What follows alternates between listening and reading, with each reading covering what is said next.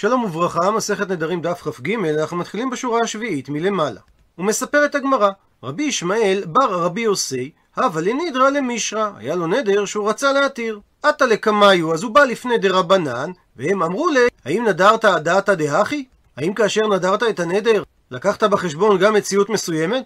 אמר להו, ענה להם אין. אכן נדרתי גם על דעת המציאות הזאת. המשיכו ושאלו אותו, האם נדרת דעתא דהכי? האם נדרת גם על דעת מציאות אחרת? ורבי ישמעאל ענה ואמר להו אין, אכן גם על דעת המציאות הזאת נדרתי, וכך היה כמה זימנין, מספר פעמים שהדבר חזר על עצמו.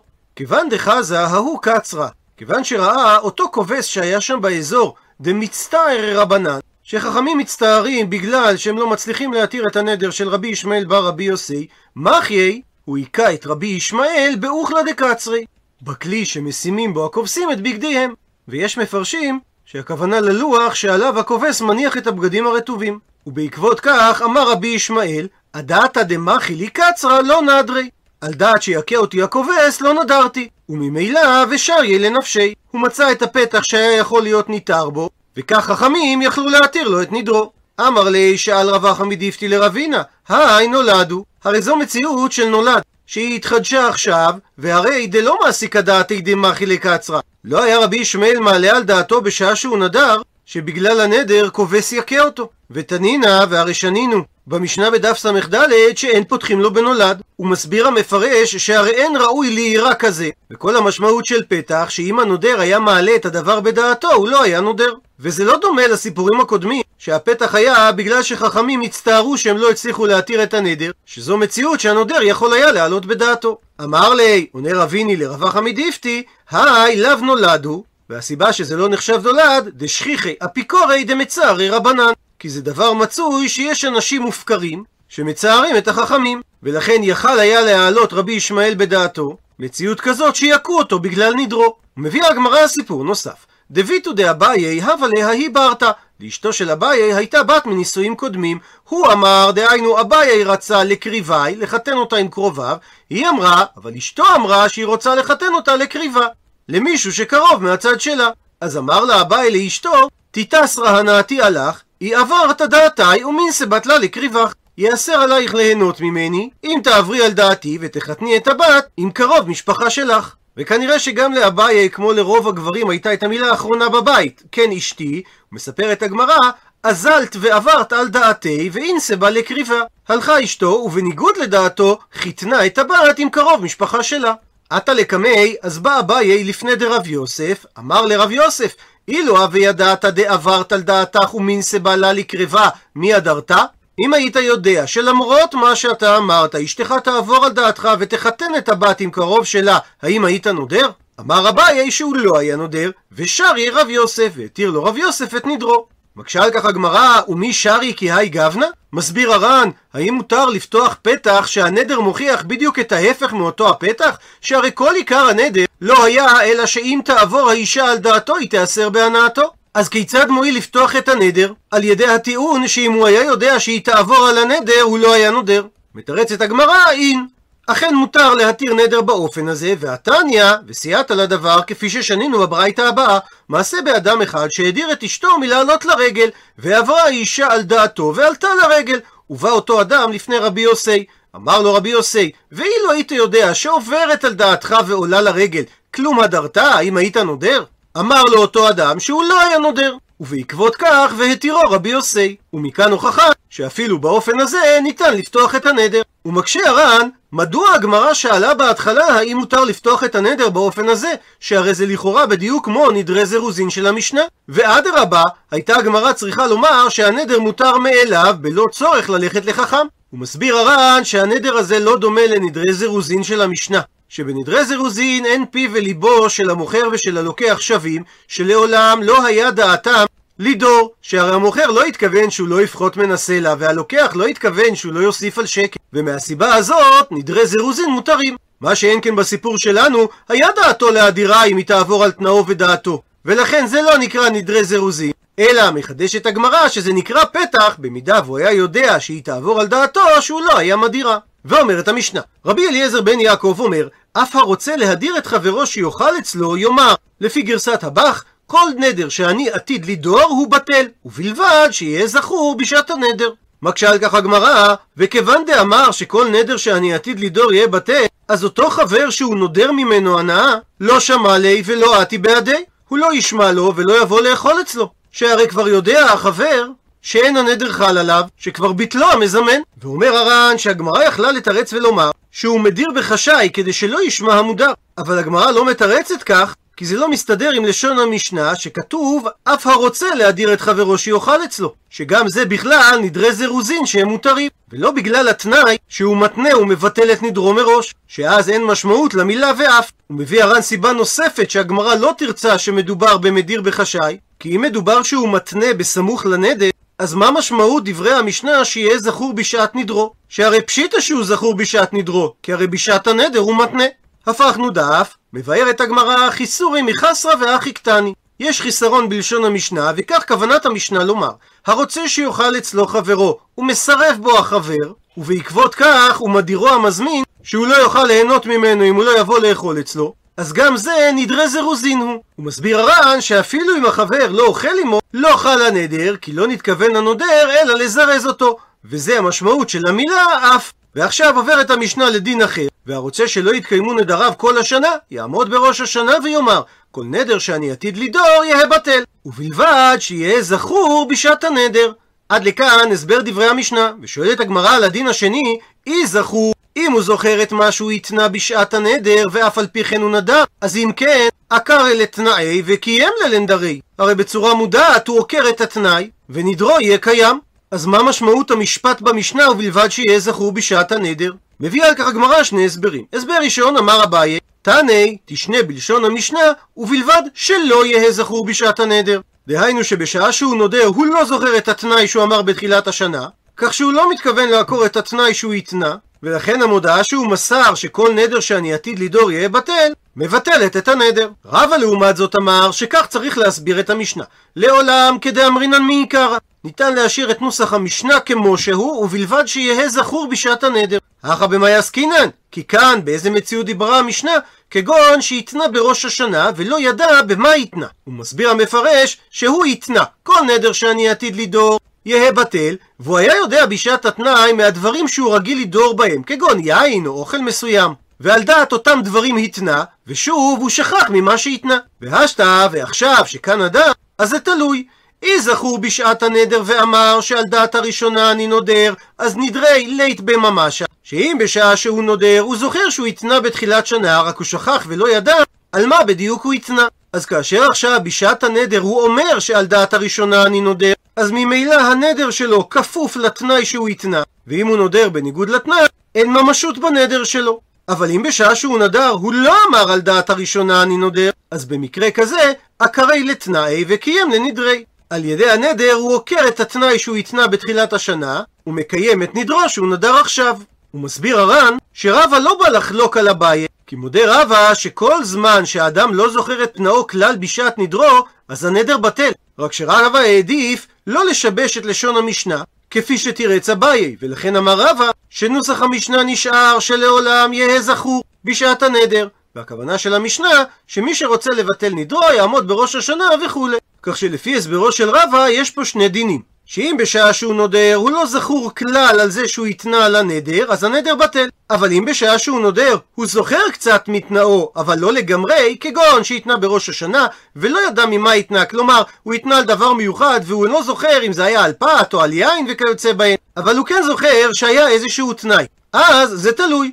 אם בשעה שהוא נודר הוא אומר על דעת ראשונה אני עושה, כלומר שאם התחילה התניתי על נדר זה שיבטל, אז גם עכשיו אני רוצה שיהיה בטל. ונזכר אחר כך שעל דבר זה שנדר עכשיו הוא התנה בתחילה לבטל את נדרו, אז אין בנדר ממשות והוא לא חל. אבל אם בשעה שהוא נדר הוא לא אמר על דעת ראשונה אני עושה, הרי הוא ביטל את תנאו בצורה מודעת, וממילא קיים את נדרו העכשווי. שכיוון שהוא היה זכור בשעת הנדר שהוא התנה, רק הוא לא ידע ממה הוא התנה, אז אם דעתו היה שיתקיים התנאי, לא היה לו לדור בסתם, כדי שלא לעקור את תנאו. ומה שאמרה המשנה, ובלבד שיהיה זכור, היא התכוונה, ובלבד שיהיה התנאי זכור בפיו בשעת הנדר. ומספרת הגמרא שרב הונא בר חיננה סבר למדרשי בפירקה. רצה לדרוש בפני הציבור ולפרסם כיצד יעשה מי שרוצה שלא יתקיימו נדריו. אמר לרבה לרב הונא בר חיננה, תנא כמסתים לסיתומי. התנא של המשנה סתם ולא פירש את דבריו, כדי שלא ינהגו קלות ראש בנדרים, ואת דרשת לה בפירקה? ואתה רוצה לדרוש את זה ברבים? אלא בוודאי שעליך להימנע מלדרוש את זה בדרשה הפומבית שלך. ואומר הר"ן שלעניין הלכה קיימה לן כרבה. ולכן כל שהתנה מתחילה שכל נדר יהיה בטל, ובשעת נדרו הוא שכח את תנאו, אז נדרו בטל. אבל מי שהתנה על דבר מיוחד, ובשעת נדרו הוא זוכר שהוא התנה, רק הוא לא יודע בדיוק על מה הוא התנה, אז כל שלא אמר על דעת ראשונה אני עושה, אף על פי שנזכר אחר כך שעל אותו דבר שנדר עכשיו הוא התנה מתחילה, בזה שהוא לא אמר שעל דעת הראשונה הוא עושה, הוא עקר את נאו וקיים את נדרו, שכיוון שהיה זכור קצת, היה לו להתנות ולומר שעל דעת ראשונה הוא עושה, וכן פסק הרמב"ם ז"ל. ונראה, אומר הר"ן, שמה שאומרים קצת קהילות ביום הכיפורים כל נדרי ואסרי, לדבר זה הם מתכוונים, לבטל את הנדרים שידרו לאחר מכן, אלא שלשונם משובש, שנראה מלשונם שהם מתירים את הנדרים שעברו בין היום הכיפורים שהיה לבין היום הכיפורים הנוכחי. וזה אין לו עניין אלא לנדרים הבאים לאחר מכאן, אלא שרבנו יעקב ז"ל היה מתקן הלשון, כדי שיהיה משמעותו להבא. והוא תיקן לומר, כל נדרי ואסרי די אסרנה ודי חרמנה, כולו קמוץ, כדי שיהיה נראה להבא. ובכל זאת אומר הר"ן, ואין ראוי לומר כן, כדי שלא יקלו ראשם בנדרים. וכן מביא הראש במקום שהיה אומר רבנו תם ז"ל שעל פי הלכה זו נהגו לומר כל נדרי בליל יום הכיפורים להתנות על נדרים של שנה הבאה שאם ידור האדם בכעסו ויהיה שכוח התנאי שלא יתקיימו נדריו. ובשביל שביום הכיפורים מתקבצים כל העם לבית הכנסת נהגו לאמרו ביום הכיפורים. וגם מצינו בספר יחזקאל פרק מ' דקארי ליום הכיפורים ראש השנה וכך הוא רוצה להסביר שהמשנה שאמרה שמי שרוצה שלא יתקיימו נדריו כל השנה יעמוד בראש השנה, הכוונה ביום הכיפורים. והגיע רבנו תם ז"ל בנוסח של המחזורים, מיום כיפורים זה עד יום כיפורים הבא עלינו, ולא כמו שהיה כתוב בהם מיום כיפורים שעבר עד יום הכיפורים הזה. והיו מתכוונים להתיר הנדרים, אולי עברו עליהם להינצל מן העונש, וזה אינו מועיל מכמה סיבות. סיבה ראשונה, שהרי בהיתר נדרים צריך שלושה או יחיד מומחה. סיבה שנייה, שאין החכם מתיר את הנדר ולא חרטה. סיבה שלישית, שפוסקים כרב פאפה בדף ל"ה שאמר שצריך לפרט את הנדר. סיבה רביעית, שמי מתיר את נדריו של החזן שאומר כל נדרי. סיבה חמישית, שמשמעות הלשון דנידר נאו דהשתבענה זה מה שאני עתיד לדור ולהישבע. וגם המשך הלשון, כולו ניחרתנה בהון, כלומר, אם אשכח ואדור, מעתה אני מתחרט עליהם. ומתנה שיהיו בטלים. אבל הראש חולק על רבנו תם ואומר, נראה כמנהג הקדמונים, דלשון כל נדרי מוכיח שנתקדן על שעברו עליהם בשנה שעברה, ומתירים אותם עכשיו כדי להינצל מן העונש, ולכך אומר אותה שלוש פעמים, וגם אומר בהמשך, ונסלח לכל הדת בני ישראל, כי צריכים כפרה אותם שעברו על הנדרים. ומה שהקשה רבנו תם שצריך חרטה, הרי אנחנו רואים, אומר הראש, שכל מי שעבר על נדרו הוא מתחרט מעיקרו כדי להינצל מהעונש. ומה שהקשה שצריך שלושה אדיוטות כדי להתיר את הנדר, הרי כל הקהל אומרים אותו, איש איש לבדו בלחש, וגם החזן, הקהל מתירים לו את נדרו. ומה שהוא אמר, שפוסקים כרב פאפה שצריך לפרט את הנדר, זה רק היכן שהנודר בא לפני החכם להתיר לו את נדרו, וצריך החכם לברר, אולי הוא נדר על דבר מצווה, ואז הוא לא יתיר לו את הנדר. עד לכאן דף כ"ג, המעוניינים בהרחבה, כל נדרי, או בתרגום לעברית כל הנדרים, היא הכרזה הנאמרת לפני תפילת ערבית של ליל יום הכיפורים, ובה הודעה פומבית על ביטול נדרים ושבועות של ציבור המתפללים. מקורה וזמן חיבורה אינם ידועים, אך מעריכים שהיא התחברה בתקופת הגאונים, ולכן היא נאמרת בארמית, שהייתה שפת הדיבור של רבים מהיהודים בתקופה זו. בשל זמן אמירתה של ההכרזה עם כניסת יום כיפור, ובשל המנגינה המרטיטה שלה המקובלת בקהילות האשכנזיות, נעשתה הכרזת כל נדרי לאחד מן הקטעים הידועים, ומן הסמלים הבולטים של יום כיפור. החל מימיה הראשונים של התפילה נחלקו הגאונים והראשונים האם יש להתרת נדר זו ערך הלכתי משפטי ולכן עצם אמירתה הייתה שנויה במחלוקת. רב עמרם גאון כותב שהיה נהוג לומר עליה שמנהג שטות הוא זה ואסור לעשות כן אף על פי שהוא עצמו כלל אותה בסידורו. כך גם כותב רב נטורונאי גאון, שאין נוהגין לא בשתי ישיבות ולא בכל ארץ בבל להתיר נדרים, לא בראש השנה ולא ביום הכיפורים, אלא שמענו שבשאר ארצות אומרים כל נדרי, אבל אנו לא ראינו ולא שמענו מרבותינו. רב סעדיה גאון כתב באופן עדין יותר, שתפילה זו מועילה רק לנדרים שנדרו הציבור בשגגה, ובאופן דומה כותב רש"י, אומרים כל נדרי כדי להתיר את נדריהן שאין זוכרים, אבל אם זוכרים צריך לקיימן. אחד החששות של המתנגדים, גאוני בבל ומאוחר יותר גם חכמי קטלונה וספרד, היה שבעקבות התפילה הציבור הרחב עשוי להקל ראש ולזלזל בנדריו, וכך הסביר המאירי, אחרי שגאוני עולם נסתפקו בעניינים הללו, מה אנו מחיינו להכניס עצמנו במחלוקת, ואנו אין לנו אלא להניח מקום לשלום ולברוח מן הספקות, ומפני זה נהגנו שלא לומר נוסח כל נדרי כלל שלא לזלזל בנדרים. בדומה לכך ציין הריבש שמטעם זה בכל קטלוניה אין אומרים אותו, והרדב"ז הוסיף כי ראיתי מנהג המוסתערבים במצרים שאין אומרים אותו. גם הרמב"ם ורבי יצחק אלפסי מגדולי הפוסקים בספרד אינם מזכירים את המנהג. למרות זאת, אמירת נוסח כל נדרי נפסקה לבסוף בספרי ההלכה, גם בשולחן ערוך וגם על ידי הרמ"א, וכיום היא נהוגה כמעט בכל קהילות ישראל. הרמ"א מציין שאין לסמוך על התפילה כדי להתיר נדרים, וכך הוא כותב: לא סומכינן על זה להתיר בלא שאלה לחכם, כי אם לצורך גדול. המהרש"ם מציין בשם המערית שהתפילה מועילה רק למי שעבר על נדרו בשגגה שלא ייענש. עדים נוספים לתפילת כל נדרי קיימים בפולמוס היהודי-נוצרי. היהודים הואשמו תכופות על ידי הנוצרים כי לנדריהם אין ערך בגלל הצהרת כל נדרי, ולטענה זו הייתה השפעה חזקה באירופה. היא אחת הסיבות לקביעת שבועה מיוחדת ומשפילה שנאלצו היהודים להישבע כאשר התברר עניין משפטי בינם לבין לא יהודים. הנוסח הקדום של תפילת כל נדרי המופיע בדברי רב גאון מתייחס לביטול נדרים ושבועות מהעבר. כדי להתמודד עם הקושי ההלכתי שבהתרה גורפת לכאורה של נדרי עבר, ביקש רבנו מאיר, אביו של רבנו תם, לשנות את נוסח האמירה, מבלי לבטל אותה לחלוטין. הוא תיקן את הנוסח למסירת מודעה, שכל שינדור אדם בטעות במהלך השנה הבאה, מבוטל, ולכן במקום לומר מיום כיפורים שעבר עד יום כיפורים זה, תיקן לומר מיום כיפורים זה עד יום כיפורים הבא. לעומתו סבר הראש שהתפילה נועדה להתיר את הנדרים והשבועות של השנה שעברה, ולכן על הנוסח להישאר מיום כיפורים שעבר עד יום כיפורים זה. הנוסח הרווח כיום ברוב הקהילות הוא צירוף של שתי הגרסאות יחד, הן בלשון עבר והן בלשון עתיד, אולי כדי לכוון לשתי הדעות, מיום כיפורים שעבר עד יום כיפורים זה, ומיום כיפורים זה עד יום כיפורים הבא עלינו לטובה. מפורסם, אולי אף יותר מנוסח התפילה, הוא הלחן המקובל אצל אשכנזים בעת אמירת כל נדרי, ששרים אותו אפילו בקהילות רפורמיות שוויתרו על אמירת התפילה עצמה. הוא נחשב לניגון יסוד במוזיקה היהודית. באירופה המזרחית אף הרבו אישים נוצריים בולטים חובבי מוזיקה וגם יהודים שעזבו את הדת לבקר בבתי כנסת כדי לשמוע את הניגון בערב זה. למרות זאת קרוב לוודאי שאין בנמצא שני בתי כנסת שבהם שרים בדיוק את אותה נעימה תו בתו. עם זאת, הסטיות מן המקור אינם קיצוניות, ואינם אלא מה שמצופה מחיבור מוזיקלי שאיננו מיוחס ליוצר יחיד, אלא הורחב ונבנה בידי יוצרים רבים בזה אחר זה, ונמסר על ידם הלאה בדרכים המסורתיות. וכך מתוארת מנגינת כל נדרי במחזור ויטרי מהמאה ה-11. בראשונה אומר השליח ציבור כל נדרי בקול נמוך מאוד, כאדם המשתומם להיכנס להיכל המלך ולבקש פרס, וירא מי יתקרב אליו ומדבר בחשאי, ובפעם השנית יגביה קולו מעט, ובפעם השלישית יגביה קולו יותר ויותר, כאדם שהורגל להיות מבני בית המלך, וליבו גס בו בהתקרבותו אליו, ונכון ליבו לשמוע דבריו.